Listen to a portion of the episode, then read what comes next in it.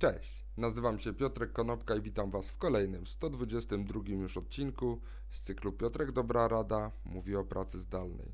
Dzisiaj podsumuję to, czego mogliśmy się dowiedzieć na temat stanowiska Head of Remote Work. Pierwszym człowiekiem, który ma stanowisko Head of Remote Work jest Darren Murphy z firmy GitLab, który pełni to stanowisko od wakacji 2019 roku.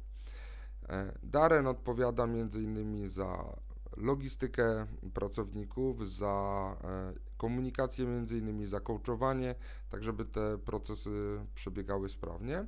Natomiast tak naprawdę erę stanowisk związanych z zarządzaniem procesami pracy zdalnej można mierzyć od chwili, gdy Facebook opublikował ogłoszenie rekrutacyjne, że poszukuje osoby na stanowisko Director Remote Work celem przeprowadzenia Facebooka jako całej organizacji z pracy stacjonarnej do pracy zdalnej.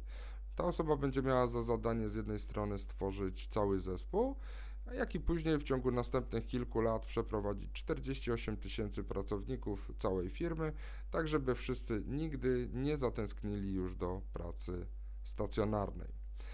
Co taka osoba, która pełni stanowisko Head of Remote Work, co taka osoba powinna robić? Przede wszystkim powinna ocenić stan istniejący dzisiaj.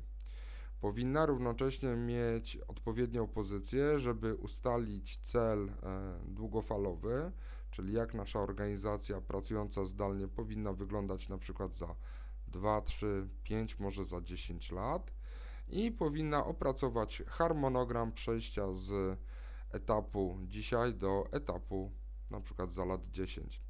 Należy przeanalizować wszystkie stanowiska pracy z, z punktu widzenia job description, tak żeby zastanowić się, czy dane zadanie może być wykonywane w 100% zdalnie.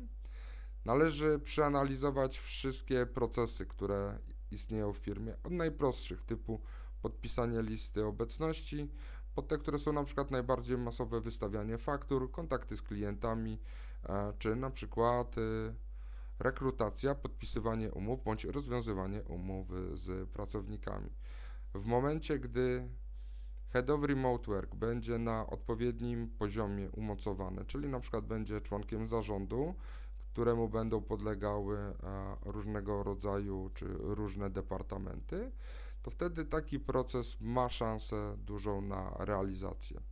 W innym wypadku będzie to proces, który będzie trwał e, miesiącami, a być może nie przyniesie pożądanych rezultatów. Także odpowiednie umocowanie, przeanalizowanie stanu dzisiejszego, ustalenie celu i strategii dojścia do tego celu, harmonogram i rozpisanie odpowiedniej ścieżki, a na samym końcu wdrożenie, coachowanie i komunikacja tego programu na co dzień, tak żeby ludzie nauczyli się na nowo pracować właśnie w modelu zdalnym, a nie stacjonarnym.